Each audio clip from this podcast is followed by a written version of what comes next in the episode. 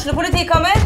Ine Jansen er purk. Er du purk? The motherfucking bitch. Alt jeg vil, er å finne ut hva som skjedde med mannen min. Jon Carew. Er jeg sikta for noe? Iben Akeli. Det er du. Ole So, Lars Berrum og Big Daddy Karsten. Hvem sin side er du på, egentlig? Anette Hoff, Tone Danielsen, Kommer du fra Afrika?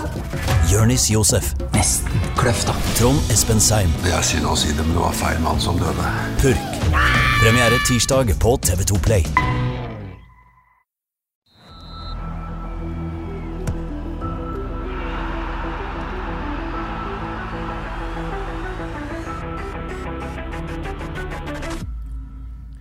Denne episode 52 av Frelst. Jeg har med meg ikke faste medlemmer, men eh, litt sånn delvis faste medlemmer. Johannes Dale Husbø og Alexander Sørlund, velkommen til dere.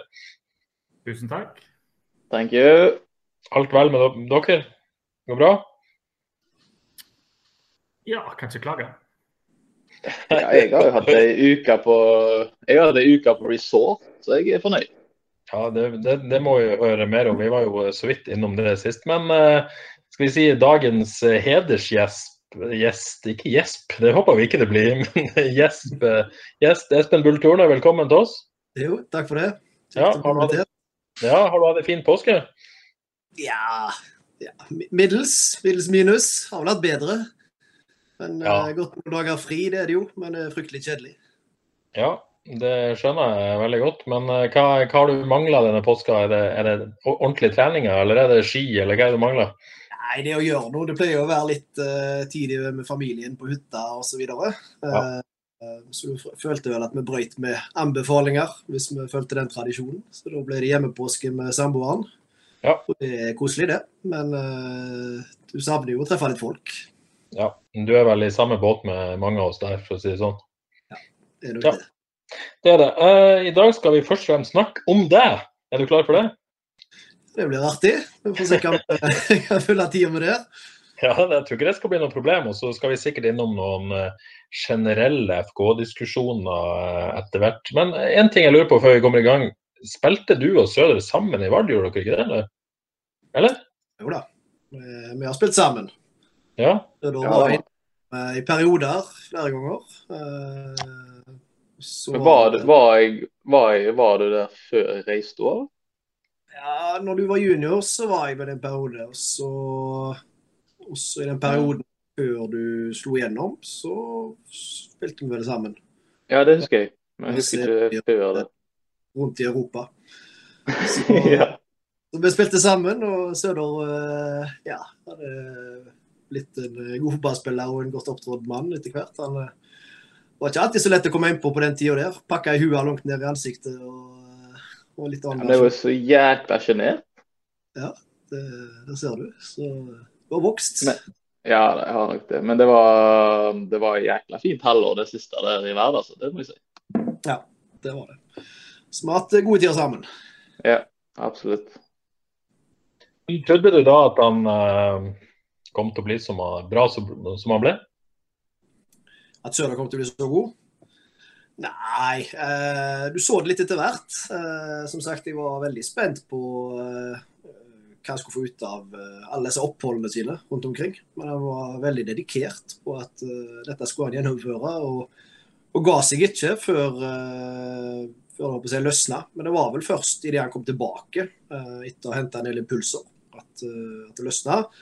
Og så så du litt i glimt den, den kraften og det som han eh, senere utvikla, eh, komme. Eh, så det kom litt glimtvis, og så tok han store steg i løpet av de neste årene der. Men eh, dette skal jo handle om eh, deg, Bull. Du var i Vard i mange år og spilte der eh, lenge. Når skjønte du at du hadde lyst til å på en måte gjøre dette til en ja, bli trener, rett og slett, gjøre det til, til yrket ditt, sånn sett? Nei, det skjønte jeg vel egentlig ikke før jeg prøvde det, og det var jo i Åkra. Eh, Så jeg spilte i eh, ja, to lengre perioder i Vard, eh, avbrutt av noen studier. Og så trappa jeg vel ned fra Vard. Hadde et halvår i Haugar. Så ble det litt langt ned. Så gikk jeg til Åkra igjen og var assistent under Bengt Førland. Karl Oskar Embaland var vel òg med der ute da. Eh, Men da var jeg først og fremst spiller. Du ble henta inn som en, eh, ja, en spillende assistent, sånn som mange vet hvordan det har vært ute på Karmøy. Eh, Og hensikten var å spille. Så funka det OK å ha treninger de gangene når, uh, når Bengt var vekke. Uh, og etter et år i den rollen der, så rykte Verd opp. Uh, Bengt kunne ikke ha var daglig leder for et Obos-lag samtidig som han var fotballtrener, så han måtte gi seg. Og så fikk jeg tilbud om å, å bli trener der. Og da var jeg litt sånn tja, jeg var vel 30-31, syntes det var veldig gøy å spille fotball. Uh, og hadde ikke tenkt å gi meg med det helt ennå. Men uh, så vel òg at jeg ble ikke så mye bedre. Uh, så vi kan prøve dette her og se hva det er. Og så syns jeg det var noe som falt naturlig for meg den veien der. Vil jeg si at det er først når du på en måte fikk tilbudet du egentlig liksom Det er ikke noe du hadde tenkt på siden du var 22 at dette skulle bli trener, liksom? Det kom, det kom litt sånn brått på? eller? Ja, det kom egentlig brått på. Jeg har ikke hatt en klar målsetning om det. Uh, alltid likt uh, å, å, prate og dirigere på banen. Uh, etter hvert som jeg ble fast midtstopper, vekk fra høyre bekk og, og, sentral midt, som jeg begynte som, så, så likte jeg godt å styre lag og, og, ta den biten der. Men jeg var ikke avklart på at jeg skulle, skulle bli fotballtrener. Det var jeg ikke. Så men likte å undervise, likte å altså, jobbe som lærer, så, så alltid gått den veien der. Liker å jobbe med mennesker. Uh, og når du fikk kombinere det med, med et fag som du syntes var veldig interessant, og begynte å, å, dukke ned i det, så uh, merka jeg at dette var noe jeg likte veldig godt. Mm. Det, Alexander, vil du. Ja, det var bare, Jeg tenkte bare å si i forhold til det når vi spilte sammen det siste halve året, så er jo det når jeg husker tilbake, at du var veldig sånn til å stole på en som alle så litt opp til, liksom. Og det er jo kan jo være et tegn til at du, du, har en trener i det, liksom. Så det er jo noe jeg husker veldig godt. Jeg tenkte du, du det, Søder, at, at, du trodde at han kom til å ta deg med, en av de som var aktuelt? og kunne Nei, gå det, på det? Det, det, det, husker jeg ikke, men jeg husker i hvert fall at det var liksom en som man kunne stole på, en som gikk litt foran, liksom. Mm. Tror nok det er flere i dag som ser trenerveien eh, og ser den tidligere. Eh, det er blitt et yrke som har vokst veldig eh, de siste fem-seks årene. Akademiene Akademi i FK Haugesund besto av én mann, og det var Kolla når jeg kom inn. Så, så, de har vokst veldig, akademien i Norge. Og, og, det å bli trener er nok noe som flere nå setter seg en målsetning om tidligere å bestemme seg for. Men det å være trener på det nivået i Norge du var i, i Jokra, var det, si, er det en god start for en trener? Er det lærerikt? Er det, er det med å gå, eller er det kanskje noe du har på en måte tatt med deg inn i akademiet og inn i FK? Ting du lærte der? Eh, ja, det var en, eh, en fantastisk klubb, eh, Åkra. Du hadde et støtteapparat som er betraktelig større enn vi har i FK Haugesund. 28 oppmenn og folk som deltar til. Så det var godt lagt til rette. Og så var det en fin måte for meg å hoppe rett inn i det å ja, jobba med voksne folk, som jeg hadde spilt med eh, sesongen før. hadde nok utfordringer i gruppa. Uh, hadde en Christian Holko, som, for de som husker han, som, som svingte litt i humør og i forhold til å ta instrukser. så det var en tøff ilddåp sånn sett. Men for meg så var det veldig fint i forhold til at jeg du hoppet rett i det. Du var litt alene sånn, som fotballtrener. Men læringen du gjorde av erfaringene dine, var, var ny. Men så var det fint å etter hvert gå inn i et akademi der du fikk en sparring eh, med andre som driver med det samme. Ja, for den Overgangen fra å være lagkamerat til å være trener, den er jo mange som snakker om, og den vil de helst unngå å ta. Men du, du tok han på strak arm? Uh, ja uh, Som sagt, vi hadde noen feider med, uh, bl.a. med han som jeg nevnte der. Og vi var jo i samme kjørelag i tillegg, tilbake til Haugesund. Det var, kleint i den bilen noen ganger vi hadde gått av i protest, begge to. Men uh, nei, det gikk seg til. Det, det, er vel ikke å anbefale at du går rett over i, i den gruppa du nettopp har vært en spiller i, men, men det går helt fint. Ja. Kan, kan, vi få noen Holko-stories, eller? Jeg vet ikke om det er så mye stories. Det var jo en uh, Altså, det som var der, det var en uh, enormt god fotballspiller. På sitt beste så var han helt outstanding. Uh, og så hadde han et humør som ikke alltid spilte på lag. hvis ikke det gikk veien, så, så kunne han bli en veldig dårlig versjon av seg sjøl.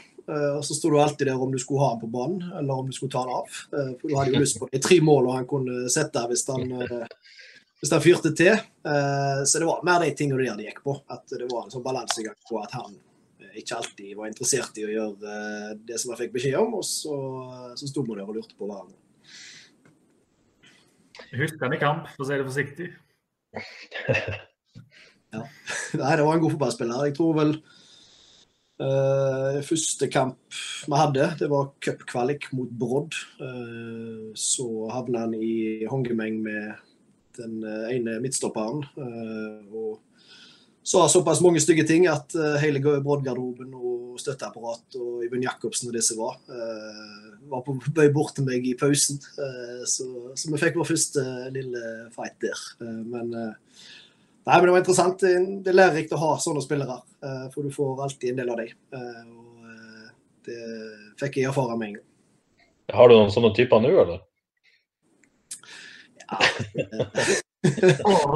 Han har jeg jo hatt eh, når han var yngre og enda mer umoden, han som dere sannsynligvis tenker på. Så eh, nei, meg, meg og Velde hadde mange av de samme type fightene eh, når han var eh, junior. Eh, litt det samme greia der. Du hadde lyst på eh, å, å få måler som han kunne bringe. Eh, og så sto du hele veien og lurte på eh, hvor langt vekk er han fra den normen som du setter nå, på om han skal få bli på banen eller ei. Så, eh, men det har vært nyttig. Jeg har eh, lært å kjenne han og, og ser etter hvert hva, hva som fungerer og ikke fungerer i kommunikasjon. Og så har han heldigvis blitt eh, mye mye mer voksen. Det var gøy å se hvordan han modnes år for år. Jeg tok et jafs når han var på utlån, og så har han fortsatt den modningen. Så, så han, han er en annen type nå enn han var da. Um, etter noen år i Åkra så får du dette tilbudet fra FKH å bli FK2-trener. Det var, vel, var det et ganske sånn uh, lett valg å ta og hoppe på det? Eh, Ja, etter hvert som jeg samtaler med dem, så, så var det det. Eh, Jeg var vel egentlig på vei inn i ungdomsfotballen i Vard. Eh, Jeg to år så sa jeg at eh, det var nok ute på Åkra. Eh, Jeg pendla mye. Jeg jobba i Kopervik, tilbake til Haugesund og ut på Åkra på kvelden. Så det ble mye kjøring ut på Karmøy. Eh, Så etter to år så ble meningen om at vi stopper der. Og da var jeg vel på vei inn i, i verdenssystemet rundt noen juniorlag og diverse sammen med, med Karl Oskar og de som var der. Eh, Og så fikk jeg telefon fra Kolla. Eh, Og så hadde jeg en prat med, med han og Asbjørn Helgeland og Opedal. Og fant ut at dette var noe som jeg trigga på. Så det angrer jeg ikke på. Men som du er inne på, ganske annerledes eh, struktur du kom inn i da enn den som er nå? Ja, veldig annerledes. Eh, Som sagt, når vi var der, så, så var det Kolla som, eh, som var hele avdelingen. Han var utviklingssjef, og han var trener for FK2. eh, og, og tok til av det meste. Samtidig med at jeg kom inn, så oppretta vi G16-lag. Så da ble eh, PØM ansatt. Eh, så da ble vi tre i avdelingen, eh, og skulle i tillegg drive mye av FKH-team, 14 og 12 osv. Så vi, vi jobba mye og, og samarbeida veldig godt. Det var veldig fine erfaringer å jobbe under Kollapem. eh, For det var flinke folk som opplevde mye i fotballen. Så det første året så var det oss tre.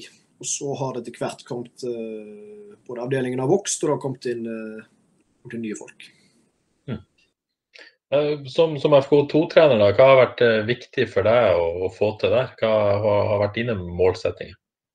Uh, Nei, det er jo en Du skal først og fremst utvikle fotballspillere. Det er, det er hovedmålet. Du har alltid lyst til å vinne fotballkamper og ha, ha nok fokus på det. Men vi har jo den avdelingen for at det skal primært at det skal komme opp spillere til A-laget. Eh, Så det er det vi jobber for hele veien. Eh, og Det har vært hovedmålet mitt med det. Eh, Samtidig som vi skal lære dem å vinne. Vi skal lære dem nok om de taktiske aspektene. De skal få en god nok base teknisk. Vi skal få jobbe med, med fysikken i, i basisrommet osv. Så, så har vi fått inn flere spesialister etter hvert. Knytta til oss mer basistrenere og blitt flere rundt laget. Eh, Men de første, første årene så var jeg mye alene eh, og tok det meste sjøl. Så de har fått et, eh, en stigning i, eh, i opplegget rundt seg, de som driver i akademien. Mm. Jeg kan tenke meg En av de tingene som er vanskelig å håndtere, det må være på en måte den der um, uh, miksen mellom egentlig skal utvikle spillere, så får du også en del A-lagsspillere som ikke får spilletid av og til ned, og som sjøl føler sikkert at de ikke har noe der å gjøre. Det en, har vært en vanskelig del av den, den jobben? Ja, det er krevende. Uh, du får ikke alltid de mest motiverte. Uh, det det svingte veldig. Uh, spesielt altså nordmenn og de som, som er fra området, visste du stort sett hva du fikk av. Det klarte å gi en 80% uansett. Men en del av de som var henta inn fra utlandet, kunne ha problemer med å forstå og motivere seg overhodet til oppgaven. så ja, jeg husker vel en kamp mot Skjold på gymnasbanene, som en av de som står som der det var mest ekstremt. Det begynte vel med han eh, Perinho, eh, som prøvde å få til her i byen. Eh, fikk beskjed om å spille toårkamp. Skulle møte i utegarderobene. Eh, og nummer én så dukka han ikke opp. Eh, så tror jeg Velde, som da var i A-lagstroppen, eh, fikk tak i han og fikk hente han. Og så kom det en, en svært umotivert kar inn og, og satte seg i hjørnet og begynte å skifte. Når vi skulle begynne på lagmøte, så var han borte. Da hadde han gått igjen. Han ville ikke allikevel. Så da, da Det var første strike. Da var det inn med en unggutt, og det var for så vidt greit nok. Så har vi pause, og så har det ene ja, kroaten, Kovacevic, som av en eller annen grunn tok av seg nesten alle klærne under, under pausepraten. Så Han begynte å hive på seg igjen når vi skulle ut, og glemte å ta på seg leggbeskyttere. Dette bemerker Skjold-spillerne, så av med han. Eh, og sånn var det ofte. Det var, det var mye rart. Eh, mye problemer. Eh, og så var det jo frustrerende når de må ta plassen til en unggutt som du har lyst til å spille kamp med. Samtidig så trenger de kamptrening. Den balansen der var vanskelig å hanskes med noen ganger. Men det var en del av jobben. Nå hadde jeg nesten glemt ut at det var sånn, for det er halvannet til to år siden jeg har hatt med A-lagsspillere. I fjor fikk vi spille G19-kamper og, og, drive det som et lag. Det var deilig. Men, men, det var en del av pakken. og mange ganger så kommer den med, med god side. Du får inn en tre-fire skikkelige fotballspillere som de unge kan lære av. og, og da løfter ofte de seg god. og så får du disse gangene som jeg nevner, der du lurer på hva du holder på med, og hvorfor du er der du er. Alexander, denne Pineiro må vel du ta en del av skylda for? eller? Ja. ja, men altså, altså Jeg bare ga noen tips uh, om en spiller som uh, gjorde det bra på trening i Frankrike, så det er jo veldig rart. Men han må jo ha knekt totalt sammen etter han, etter han dro derifra, så dessverre. men jeg vet ikke noe som vet hva som skjedde med han. Sist jeg sjekka, så hadde han reist hjem til Kapp Verde, tror jeg, lagt opp. Men uh, jeg vet ikke, Johannes, om du har kontroll på han? Ikke kontroll på han, nei. nei. Men, eh, borte. Men jeg lurer på én ting, Bull. Er det mulig å få navn her? Hvem som kjekk, har vært kjekkest å få ned på uh, toerlaget, og hvem som har vært verst? Nei, du kan godt få hvem som er kjekke å ha, anvisning. med seg. Nei, var, du visste hva du fikk hvis du fikk Mikael Haukås, Erik Mæland og Jokke og, og, disse guttene her. Eh, da, de skrudde såpass til. Hva sa du? De lokale, da, først og fremst? Ja, eh, spesielt de lokale. Men nordmenn generelt har eh, stort sett levert varene. De vet eh, hvordan systemet er bygd opp, og de vet eh, ofte gevinsten de kan få med å få spilt litt på stor bane. Eh, så de, eh, de girer på nok der. Så, si, så det er andre kulturer i andre land, eh, og da trenger vi ikke på navn, men, men, mange av de som kommer utenlands fra, og ofte langt vekk ifra, strever litt med å forstå hvorfor de skal spille på en gymnasbane 5 med, med, uten lys, og det er lite glamorøst. Så så mange av de syns det var en, uh, en guffen opplevelse, tror jeg. Jeg kan fortelle dere en liten greie om trening i dag, f.eks. her. Hvis vi snakker om sånn kultur. Så i dag så måtte svare jeg og et par andre som var her, da. For vi skulle, de andre dratt på å spille kamp i morgen. Så måtte vi trene med et par yngre spillere. da. Og da begynner jo treneren å beklage da, at vi må trene med de yngre spillerne, liksom. Så sånt, sånt er kulturen. Det, det er det de begynner med. Så det altså, det er helt Noen ganger her nede Så Jeg blir, jeg sjokka. Jeg har vært der to måneder. Jeg blir skikkelig sjokka mange ganger av kulturen, liksom. Det er, skikkelig rart. Ja, det hørtes ikke helt bra ut. Um, ja, uh, men uh, Bull, du har jo på en måte trent en del spillere på FK2, eller hadde en del spillere på FK2 det siste året. Unge, lokale gutter som har kommet opp. Har det vært en, måte, en, en, tilfredsstillelse i den jobben du har gjort, å se at de, de lykkes også på det nivået over? Og, og, er det flere enn de som har lykkes, og burde fått sjansen, syns du? ja, altså Det var mange spørsmål i ett. Jeg skal ta ja. dele litt. Uh, klart det er veldig tilfredsstillende å se.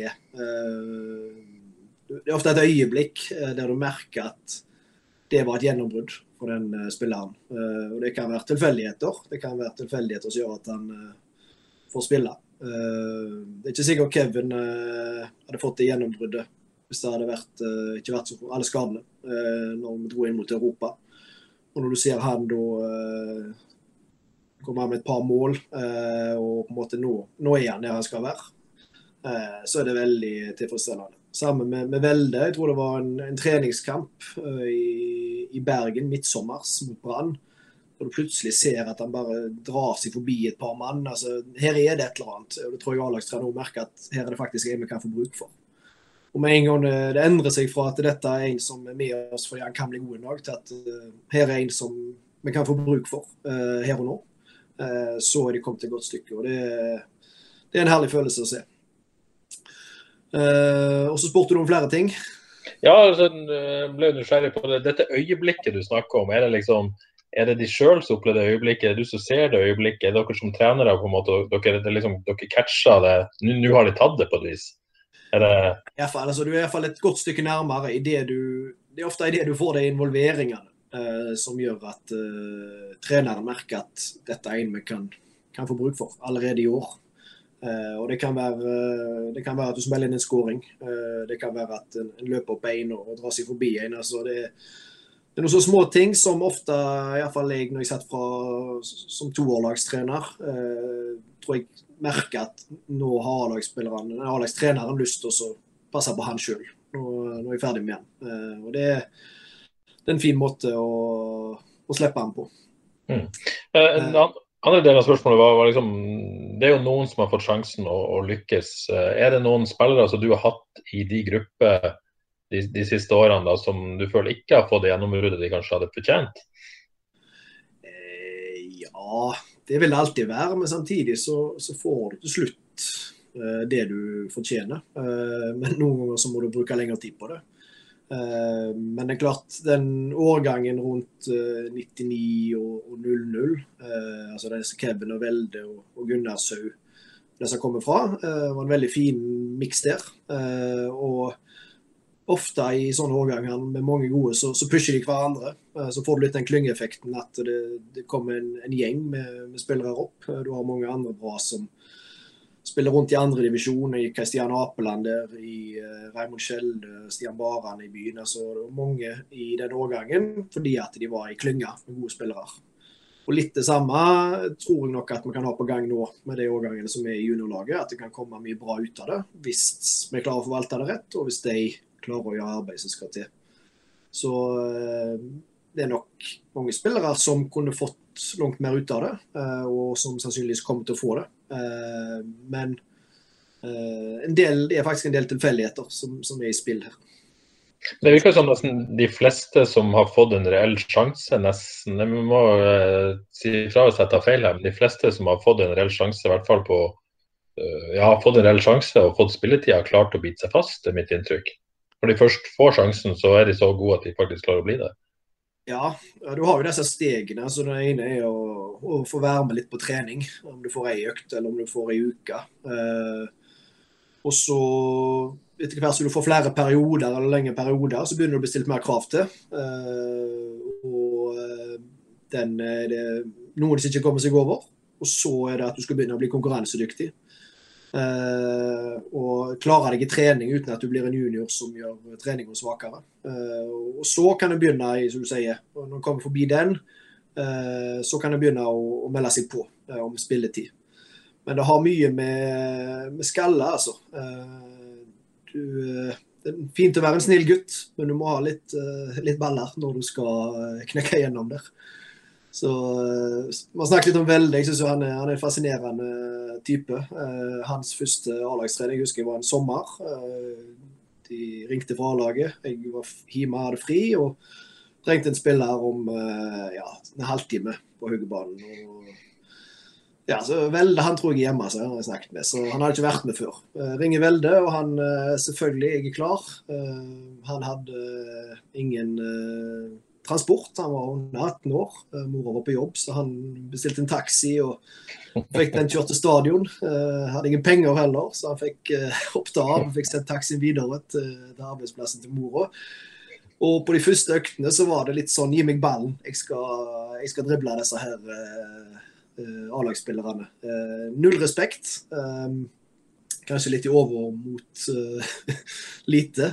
men det positive han har, det er den der den tøffheten. At det, han er her for å konkurrere, ikke for å unngå å gjøre feil. Veldig mange kommer opp, og så er det om å gjøre og så spiller han seg pasning for at de ikke skal bomme på han. Eh, og Da er det fort ned igjen. Men den biten der går det an å lære de det, eller må de på en måte enten ha det eller har de det ikke, eller uh, ta det eller ta det ikke? Ja, du kan iallfall hjelpe de. Uh, jeg tror det er vanskelig å endre personligheten. På, på, oss alle. Eh, men du kan gjøre det mer bevisst. Eh, og det er vi nok blitt flinkere på de siste årene. At vi, vi, følger de mer opp i den overgangen eh, og er med de på de første ukene de er på A-lagstrening. Og hvis de faller vekk i spilløkt og begynner å bli passive, så må vi inn og minne de på det. Eh, så du kan, du kan, hjelpe dem med det, men, eh, men en snill personlighet er vanskelig å, å endre fullstendig. Eh, men, men, noen trenger noen verktøy for å få snu litt på det. Um, så er det neste jeg holdt på å si, generasjon. Det er vel få som kjenner, kjenner de bedre enn en deg, Bull. Uh, Andreas Endresen er allerede oppe. Vi har snakka om han i podkasten her før. Uh, hva er dine tanker om han og hans utvikling? Nei, han uh, har veldig mye. og så har han en lang vei å gå. så han er altså, en spiller som har skaffa seg noen offensive kompetanser gjennom masse trening. Og så har vi hatt uh, mange prater med han de siste årene om, uh, om presspill og, og våge å ta litt juling og de tingene som han ikke var så glad i. Og så har han uh, etter hvert, spesielt nå i jula, syns jeg, så har det skjedd noe. Så, så begynner han å, å, gå mer til. Og så er det om å gjøre for han å klare å holde trykket på pedalen lenge nok. Ikke slippe av overhodet. For nå er han i den fasen der han må opprettholde. ok, Om han får trene fast med A-lag og få en kontrakt og alt dette her, det er fint, men det er litt som med meg sjøl. Vi har fått sjansen til å opp, men vi har ikke oppnådd eh, dritt. Eh, så da er en avhengig av å, å trykke på. Og har jo konkurransen på spissplass blitt mangedobla de siste ukene her, men, eh, jeg har han håp om å Eller er det å få litt spilletid i Eliteserien, er det et naturlig mål for han i år? Ja, det vil det jo være. Og det kan være at han går hele håret og nesten ikke får, får prøvd seg. Og det kan være at uh, plutselig så skal han starte en kamp uh, om noen uker. Uh, litt, litt tilfeldigheter. litt opp til hvordan han håndterer den neste perioden som kommer. men et naturlig mål for han, som fikk noen innhopp i fjor, og, og prøver å få mer i år. og Det ønsker jeg at vi, vi skal få til, men det er avhengig av at han gjør den jobben som skal til. Og, og steppe opp enda et gir. Hvis det nå blir breddefotballsesong da, og det blir FK2, eh, er det et godt nok tilbud for han da i år, som det nivået han er på? Eh, ikke spille hver kamp, men at han kan spille noen kamper her og der. Eh, I tillegg så er jo vi med i Nasjonal G19, som er et fint tilbud for spillere som Andreas.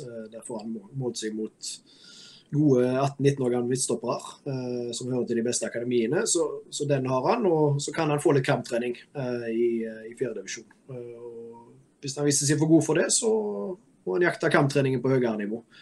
Men alle trenger å spille fotball, spille kamper. Så er spørsmålet hva, hvem er de neste som eh, vi kan eh, vente kommer opp fra, fra yngre avdeling? Ja, vi får se. Det er jo en, en miks eh, mellom tre fine årganger, syns jeg, i juniorlaget nå. Eh, du har 02-erne, som er de, eh, de eldste av de, som nå er siste års junior. Det er vel eh, ja, Frank Stopple hører til den, og så har du bl.a. Vegard Hagen og Mathias Dahl, som har vært med en del. Og så har du eh, et par sånne dark horses nede på, på 03, de som nå blir andreårs junior, der Andreas er den som har ligget lengst framme hele veien. Og så er 04 eh, litt, altså, veldig bredt og godt kull. Eh, med litt sånn som jeg snakker om den klyngeeffekten, håper jeg kan komme derifra òg, eh, som de gjorde for et par år siden. Eh, Jonas Walland, eh, kanskje den som ligger lengst framme, kaptein på eh, landslaget for eh, G16-17. og så har du en det som er ja, rart og litt kult der, du har en fem-seks andre. Eh, kan det bli noen av de som har vært på landslag før i Asbjørn Engenes, Benjamin Bygnes, André Lønning? Eller kan det være en av, uh, av de andre som, uh, som er oppe på sida av de nå? Det jeg er fascinerende, at du har såpass mange i et kull. og så blir det ikke alle, men jeg er sikker på at det blir et par av de. Men Valland er vel den som benevnes oftest. Hva, hva er det han har uh, som gjør han såpass talentfull? Uh, Valland har en uh, ja, han har en modenhet over seg mentalt. håndterer press veldig fint. han tar læring på en måte som jeg kanskje ikke har sett så mange andre unge spillere gjøre. hvis du sier noe til han i forhold til kroppsstilling på hvordan han skal falle av osv., så, så så ser du at de fleste catcher det der og da, og kanskje treninga etterpå, og så er det, så er det vekke halvt år etterpå. Men, men Jonas Walland har litt den egenskapen at han klarer å, å, å lagre det, uh, og så sitter det. Uh, og Det syns jeg er kult med han. Uh, han har vist en fin evne tidligere til å ta nivå. altså Flytte han opp som førsteårsgutt opp på, på juniorlaget, og så, så, tar han det nivået og vokser på å spille med mer spillere. så Det er derfor vi driver og matcher han litt opp nå, for å se hvordan han håndterer det opp med det største steget han skal ta. Ja, Hvordan klarer han seg i A-lagsgruppa, egentlig?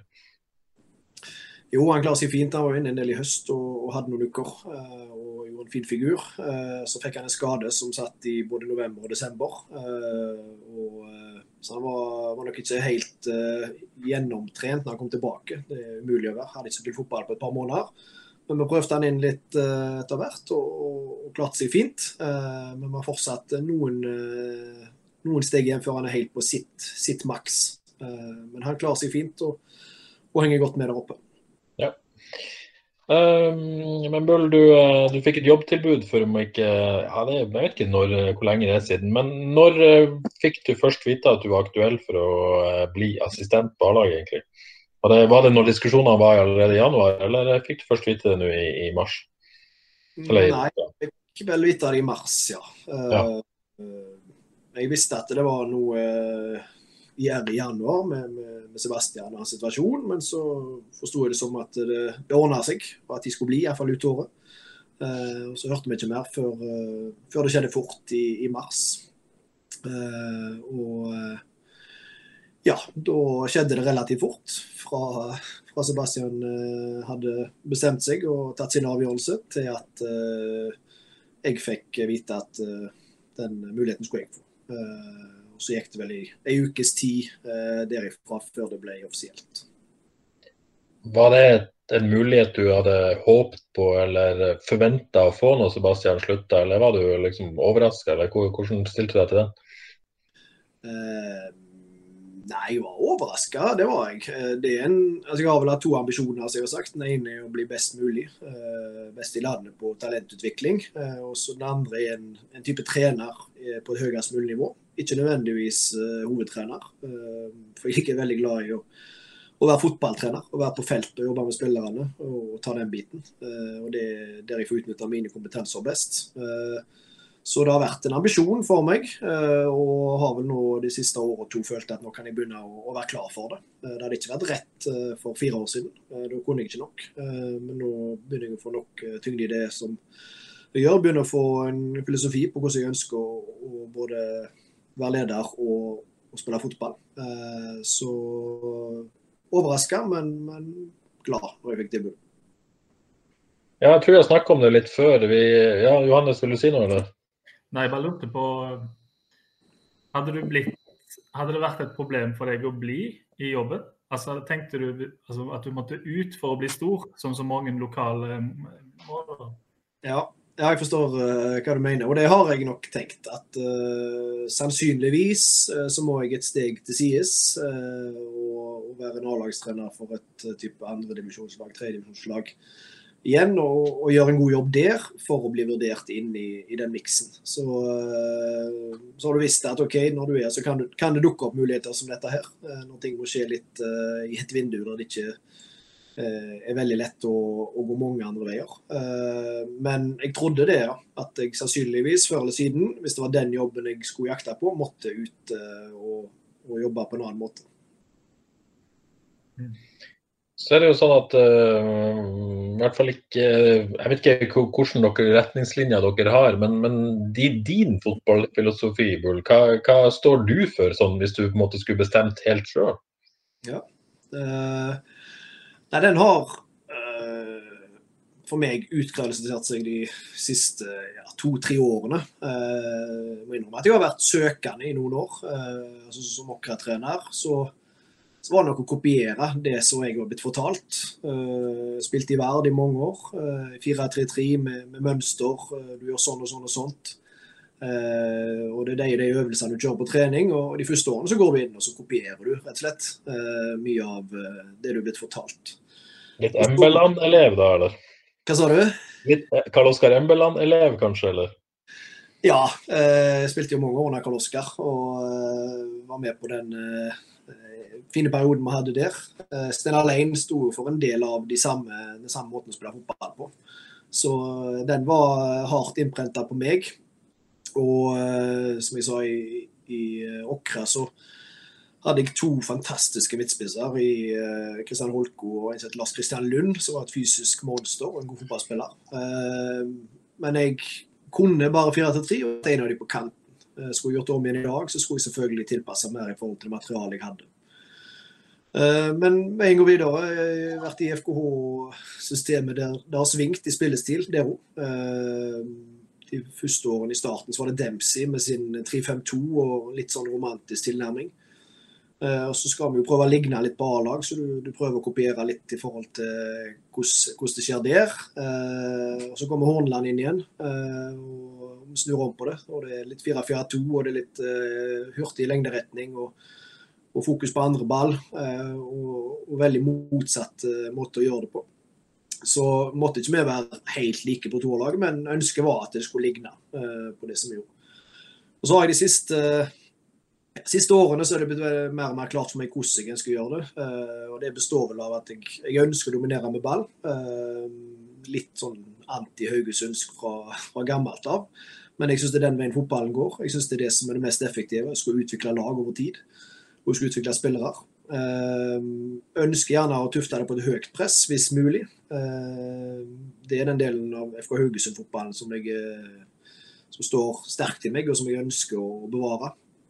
Og syns jeg overgangsfasene er, er nøkkel. Uh, Idet du spiller etablerte angrep, så må du eh, forberede deg på at du kommer til å miste ballen, mest sannsynlig, og ha en klar tanke om posisjonering rundt der du mister.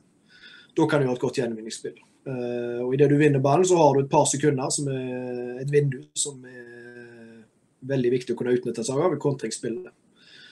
Så kort oppsummert, eh, ønsker å dominere med ball. Ønsker gjerne høyt press hvis spillermateriale spillermaterialet og kampbildet sier at vi kan gjøre det. Eh, og et sterkt fokus på overgangsfasen. Johannes, vær så god. Ja, får vi lov å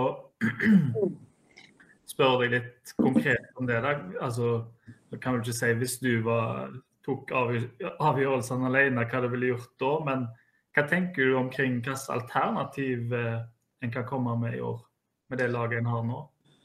Ja, um, nei, altså Det er jo det du må gjøre. Jeg mener at I en klubb som uh, så har du ikke alltid midler til å, til å plukke den rollespilleren uh, der du trenger. Uh, du må se litt på hva materiale du har, og så må du få satt flest mulig av de spillerne i posisjoner og situasjoner på banen der de får utnytta styrkene sine oftere enn svakhetene sine. Og nå har vi en smal tropp, men en, en, tropp med utrolig mye potensial, syns jeg. Eh, jeg syns det er en utrolig spennende tropp. Og mange spillere som kan bekle flere plasser. Uh, og nå har jo 4-3-3 vært den som en har løst det på i internkampene.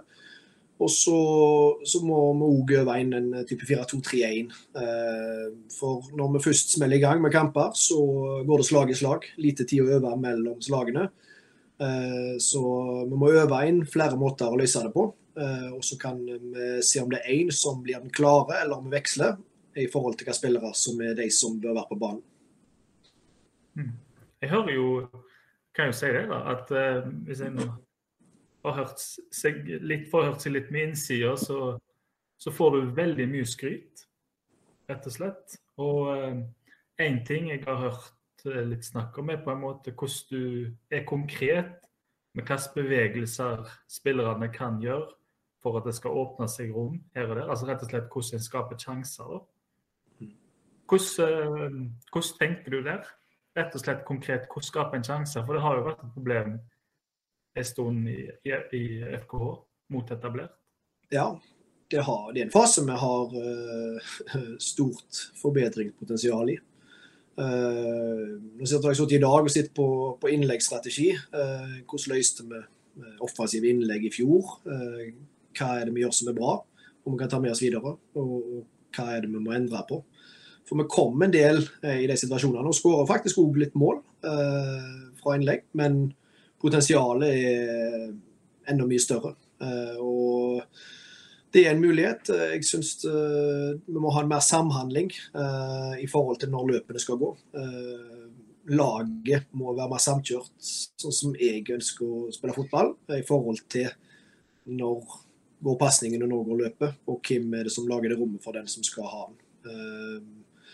Så utover det så er det kan man bruke timevis på å snakke om hvordan vi skal gjøre det der. Men, men, eh, men, at det må være noen retningslinjer. Det skal ikke være låst i mønster, men det må være noen retningslinjer for å vite at nå er det den og den muligheten som vi har.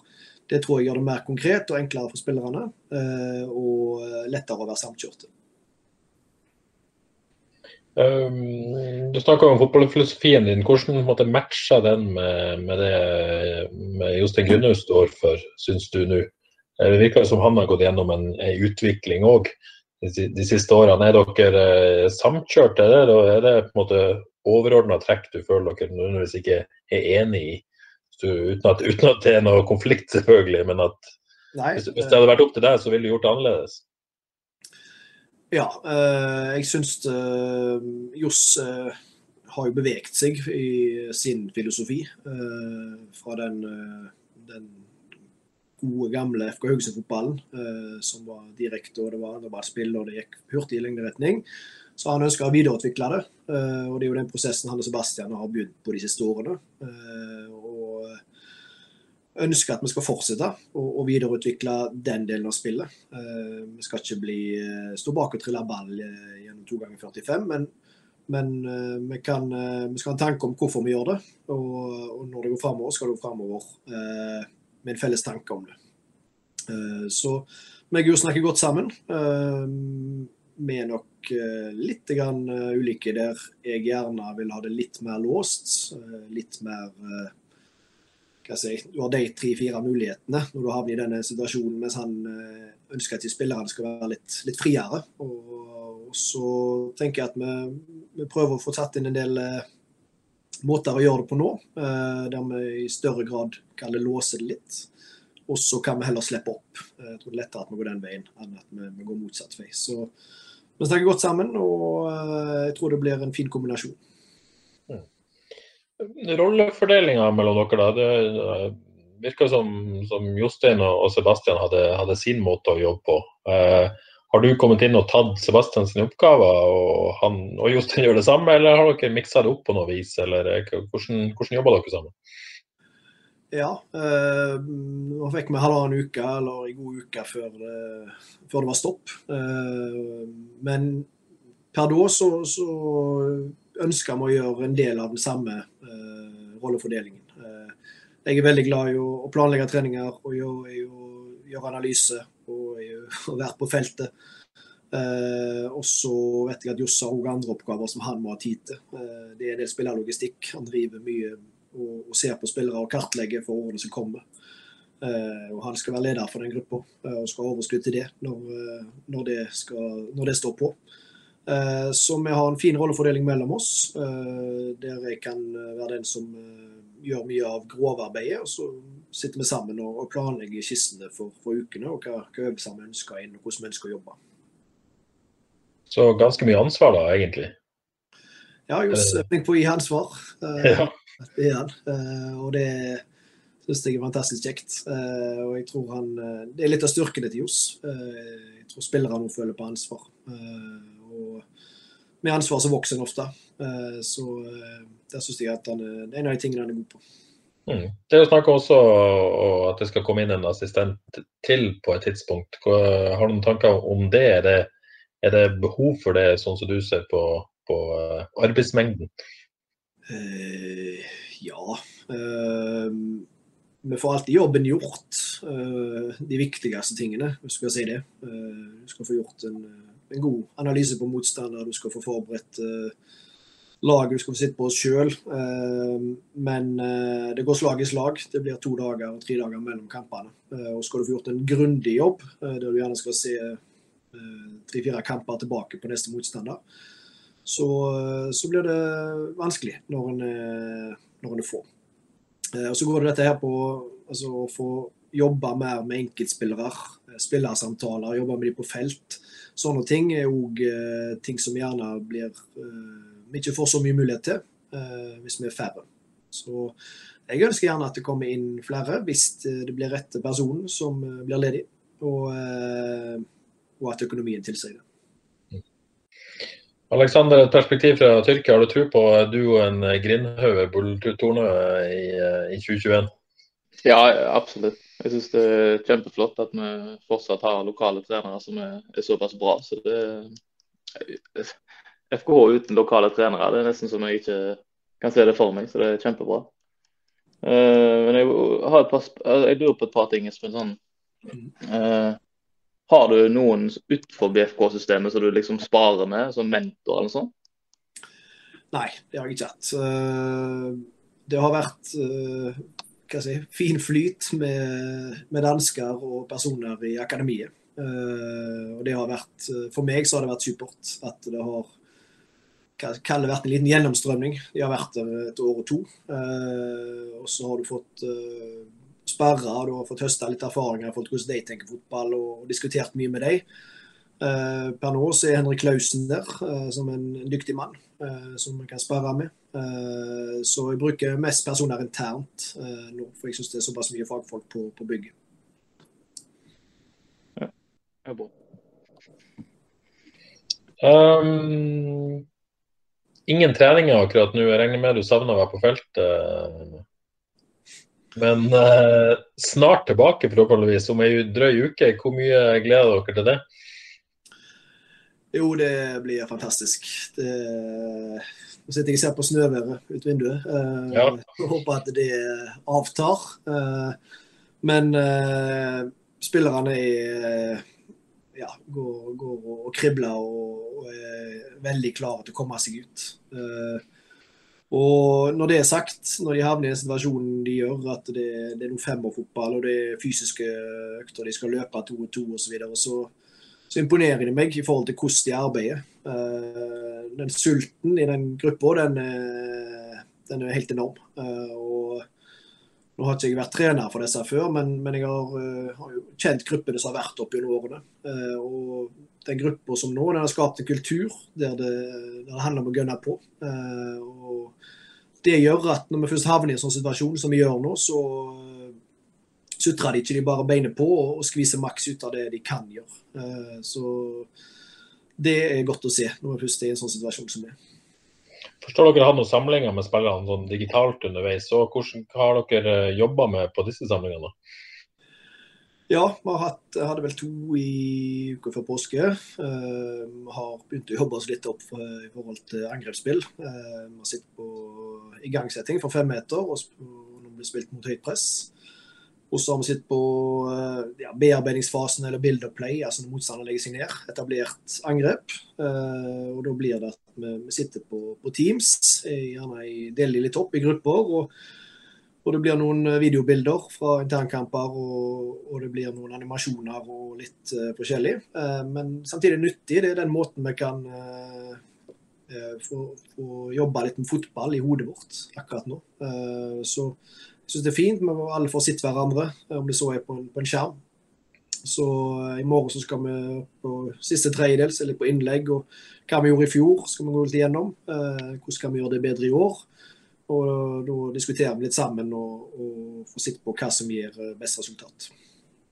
Men det blir nesten én måned uten fellestreninger. Hvor, hvor, mye tror dere på en måte taper på dette? Uh, nei, det er klart det er en stor fordel å, å kunne trene. Det er en rar situasjon å ha en uh, halv Eliteserien uh, kjøre på, mens, mens vi kan ikke det. så det ja, det er vel helst at du er redde for skader. Du er mer skadeutsatt. Du har ikke fått fotballbevegelsene med start og stopp og dueller og det som er, på lang tid. Så vi må få nok uker med det uh, før vi skal inn og spille tre kamper på uka. Det er vel det vi Ja, det er derfor vi er ivrige til å komme i gang. Mm. Og så er det planlagt tre treningskamper, det er jo ikke satt noen dato ennå. Men jeg føler jo at uh, dere får jo uh, en liten måned, tre kamper. Uh, føler jo at ja, skal dere, ja, dere kommer ikke til å være helt der dere skal være, sannsynligvis. Men, men 9. mai, hvor klar er dere da, hvis, hvis uh, den datoen står der? Nei, vi skal være klar. Uh, skrudd sammen litt sånn at du må se på hvilke muligheter du har, ikke på begrensninger. Du får ikke gjort noe med det. Uh, så vi må se på hva, hva kan vi gjøre noe med her og nå. Og det er akkurat det som spillerne er enormt gode på. Uh, og så må vi begynne igjen. Så, så må vi se hvordan vi kan bruke de ukene vi har, best mulig. Og så skal vi være klare. Eh, så det skal gå fint. Uh, Johannes, uh, ny spilleplan presentert i, i, forrige uke. Hva tenkte du om den åpningen FK fikk utdelt? Nei, det, jeg tør ikke å si noen ting. fordi som, Det var mange som sa mye i fjor, og det så veldig lovende ut, og programmet var fint. alt det der, Så det må en ligge Nei, det er farlig å si noen ting. Og så er det så det er så vrient å si, fordi det er jo eh, Hvilken tilstand er laget i? Det er helt umulig å vite. Så, så å være spåmann der, det tror jeg bare er mot sin hensikt, selv om det er gørrkjedelig svar. Beklager det. Ja, det går bra. Espen, hva, hva, hva tenkte dere egentlig om, om den, den uh, åpningen med Sandefjord borte, og så kommer Godset, Sarpsborg, Stabæk? Viktig å ta nok poenget de fire første der? Ja, det er jo det. Jeg vet ikke, jeg har ikke, vi har ikke brukt så mye energi på det nå. Eh, først må vi se at vi får kommet i gang, og at det åpnes opp her. Og at vi, det faktisk blir sånn. Eh, og Da kan vi sette oss ned og så kan vi se på eh, hvordan vi skal angripe de kampene og hva vi kan forvente av det. Så Per nå så må vi komme oss til neste uke og håpe at det da er muligheter for å spille fotball igjen. Men Bull, kan du ta ut laget for oss nå? Det beste laget? Nei, det kommer jeg ikke til. Det er et godt forsøk. Hvordan, hvordan, ser du for deg å bruke Liseth? Nei, Liseth er uh, en spiller som jeg syns har et stort potensial. Uh, det lille jeg har sett uh, i Mjøndalen. han traff jo for første gang i dag. Kom og er supermotivert etter noen uker med korona hjemme på sofaen. Han kan uh, være midtspiss alene i 4-3-3. Uh, eh, han kan gjerne spille sammen med en uh, type hurtig bakromspiss med sine kompetanser. Og kan òg bekle andre roller, men er nok best inne, inne sentralt der, som, som, spiss eller type hengende spiss. Jeg regner med når du for ikke så lenge siden åpna opp for en 4-2-3-1, det er vel direkte resultat av denne signeringa, er det ikke det? da? Og det gjør det iallfall ikke uh, si, vanskeligere å, å, vite at du skal vurdere den veien. Uh, men dette var tanker uh, og samtaler som jeg og hadde før, før Liseth kom inn. At av erfaringene i fjor så, så, så kom en til å veksle. Plutselig så trenger en å dekke midten med to, eller en må få satt opp folk i andre posisjoner. Og eh, da må vi, vi må øve på det nå mens vi kan, eh, med den eh, komprimerte serien som det blir. Så dette var tanker vi har hatt før Liseth kom. Men klart det at han er inne og kan gjøre en god jobb inne sentralt der, gjør at det blir enda tydeligere. Vi har ofte snakket om høyt press fra FKH, at det er noe vi vil se. liksom. og det er Min erfaring med 4-2-3 er at det blir lettere å presse høyt. At det har flere folk i OK posisjoner til å kunne gjøre det. Ja. Eh, det gjorde spesielt i Sverige i fjor. det var jo altså, I forhold til Rosenborg så var, jo, var ting mye lettere, da. selv om Rosenborg spilte med 4-3. og det sleit vi litt med å få til det, men når jeg kom til Sverige, så ble det mye lettere pga. det. Ja, og jeg syns det, det kan være eh, en fordel å kunne gjøre det på flere måter. Eh, Du har kanskje noen kampbilder hjemme på Haugesund stadion som, som passer eh, til den måten å spille på. Eh, Du har kanskje noen bortekamper som eh, du føler at du er nødt til å ha fem over midten eh, for å klare å dekke opp rommet. Så, så i forhold til kampbilde, motstander, bane, eh, så kan det være forskjellige måter som kan være lurt å, å løse det på. Eh, Men jeg er enig i at eh, presspillet kan for på noen måter være enklere å gjøre i en 4-2-3-1, eventuelt en 4-4-2. Når jeg snakket med Niklas forrige gang, så fortalte han litt om hvordan de ønsker å gjøre presspillet. Da ønsker de at eh, Vadji skulle ta ut han sentrale midtbanespilleren til motstanderen, og så skulle kantene opp og presse stopperne. Mm. Er det en måte du vil gjøre det på? Ja, det er jo utgangspunktet for uh, den som har begynt på i en, et høyt 4-3-3-press. Det er jo samme type press som veldig mange lager, eh, der du, uh, du begynner med et kantpress og følger ofte opp med motsatt kant i høyt press. Men du må ofte få brukt spissen din òg. Altså Wadji kan òg forlate sin post og, og støtte opp i midtstopper, og så må, har du en midtbane som må ta over den spilleren han forlater.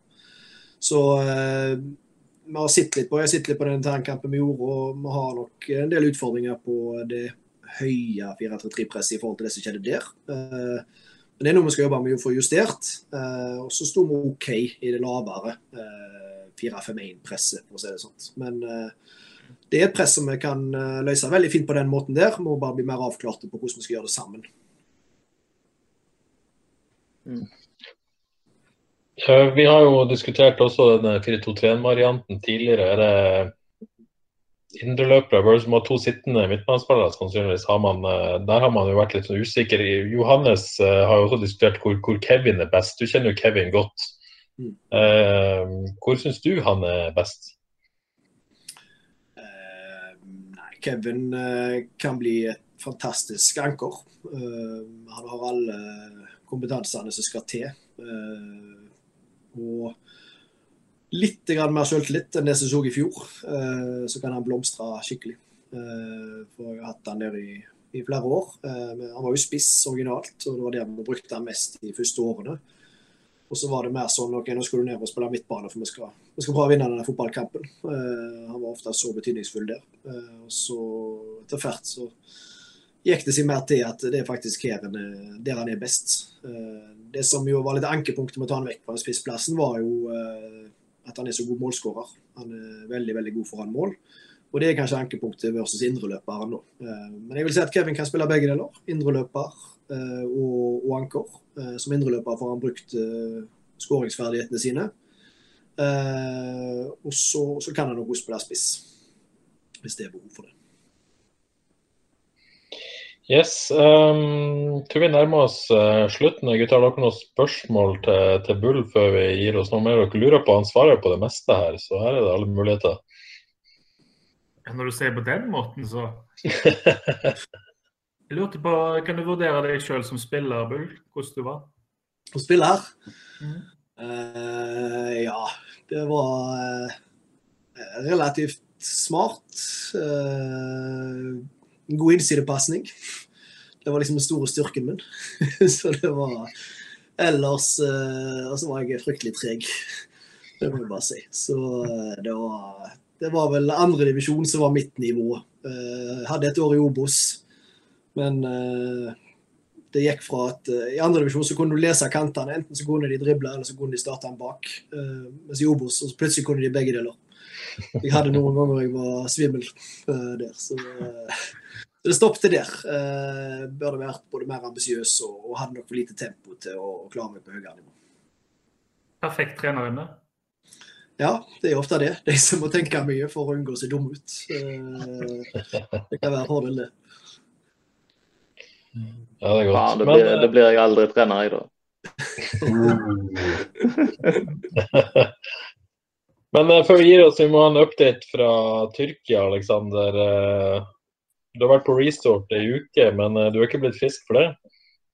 Nei, jeg har hatt senabetennelse i Hva skal kalle det Oppe i, i fest i hamstringene. Så det har tatt litt tid, men jeg trente for første gang med laget i går, så det ble litt teit å bli med på tur eh, i dag. Men, eh, men det var fint på resort, altså. Det må jeg si. Litt varme og eh, basseng og et par kalde. Ja, du har fått med deg hvordan vær vi har i Haugesund. Bull var så vidt innpå det. Ja, jeg jeg så. Snø her i dag. Ja, nei, det er fantastisk, altså. Nei, men ellers har det ikke skjedd så mye her nede siste, siste tida. Det har vært mye eh, trening i gym og sånn, så litt kjedelig, men eh, sånn er det. Får bare kjøre på så komme sterkere tilbake, som vanlig. Håper du er klar til neste kamp, eller? Ja da, satser vi på det. Så får vi bare gjøre såpass bra treningsuke at han eh, ikke kan la være å ta meg med. Jeg bare tenkte på Når skal du komme hjem og så styre en uh, padelbutikken din? Skal det være sånn samtidig mens du spiller for FKH? At du liksom er en slags spillende padelsjef? det blir fort Det kan fort bli det. Men uh, Først må jeg jo levere såpass bra her nede at de vil ha meg med hjem. da, eller ha meg hjem. Så det er jo viktig, det òg. Så jeg må være fit og klar, liksom. Er ikke du klar for det, Bull? Søder i FK-trøya? Jo da. Det blir nydelig. Bare kom bra. ok. Nei, men eh, til, til tilbakevendende tema. men det føles ut som et eh, fint tidspunkt å gi seg, rett og slett. Eh, tusen takk for at eh, dere var med i dag. Spesielt takk til deg, Bull. Lykke til. Når, eh, vi, vi, håper jo alle at vi krysser fingrene for at dette kommer i gang da. Vi vet jo ingenting. Nei, det gjør en uh, utsettelse nå. Vi får se hvordan uh, påsken har påvirket dette her uh, over det ganske land. Så vi håper at det ser OK ut nå, og at vi kan få komme i gang og trene og, og spille kamper i mai. Ja. Når jeg kjenner hvor tungt det er å være sportsjournalist i disse dager, så kan jeg ikke tenke meg hvor tungt det er å være fotballspiller og fotballtrener. Selv om man må ha perspektiv på dette. Ja da, det er nok mange som har det tungt. Så det er sånn det Men det kommer lysere tider, så hvor sitter jeg dette? Det kommer lysere tider. Nei, men Tusen takk for alle innsatsen, alle sammen. Og forhåpentligvis så er Frelste tilbake om ei ukes tid. Takk for i dag. Ha det bra. Ukens annonsør er HelloFresh. HelloFresh er verdens ledende matkasseleverandør og kan være redningen i en travel hverdag. Mange av oss har nok vandret i butikken både sultne og uten en plan for middagen, som ender med at vi går for de samme kjedelige rettene gang på gang. Middag burde være dagens høydepunkt. Som Hello Fresh kan du nå velge mellom 25 ulike retter hver eneste uke, eller få Hello Fresh til å sette sammen menyen for deg. Dette gir deg muligheten til å prøve nye og spennende retter alene eller sammen med familien. Du velger antall porsjoner og får alt levert på døren på et tidspunkt som passer for deg. Oppskriftene er enkle, og maten er lett å lage både for store og for små. Ved å få alt levert hjem får du også mer tid til å dele matgleden med familie og venner. Kanskje det frister med asiatiske tacos eller greskinspirert kylling? Da kan jeg anbefale deg om å gå inn på hellofresh.no. Her kan du bruke koden FOTBALL og få opptil 1779 kroner i rabatt på de første fem matkastene hvis du ikke har prøvd HelloFresh tidligere. Du kan også bruke rabatten hvis du har vært kunde og stoppet abonnementet ditt for tolv måneder siden eller lengre. Gå inn på hellofresh.no og bruk koden FOTBALL. Har du et enkeltpersonforetak eller en liten bedrift? Da er du sikkert lei av å høre meg snakke om hvor enkelt det er med kvitteringer og bilag i fiken, så vi eh, gir oss her, vi. Fordi vi liker enkelt. Fiken superenkelt regnskap.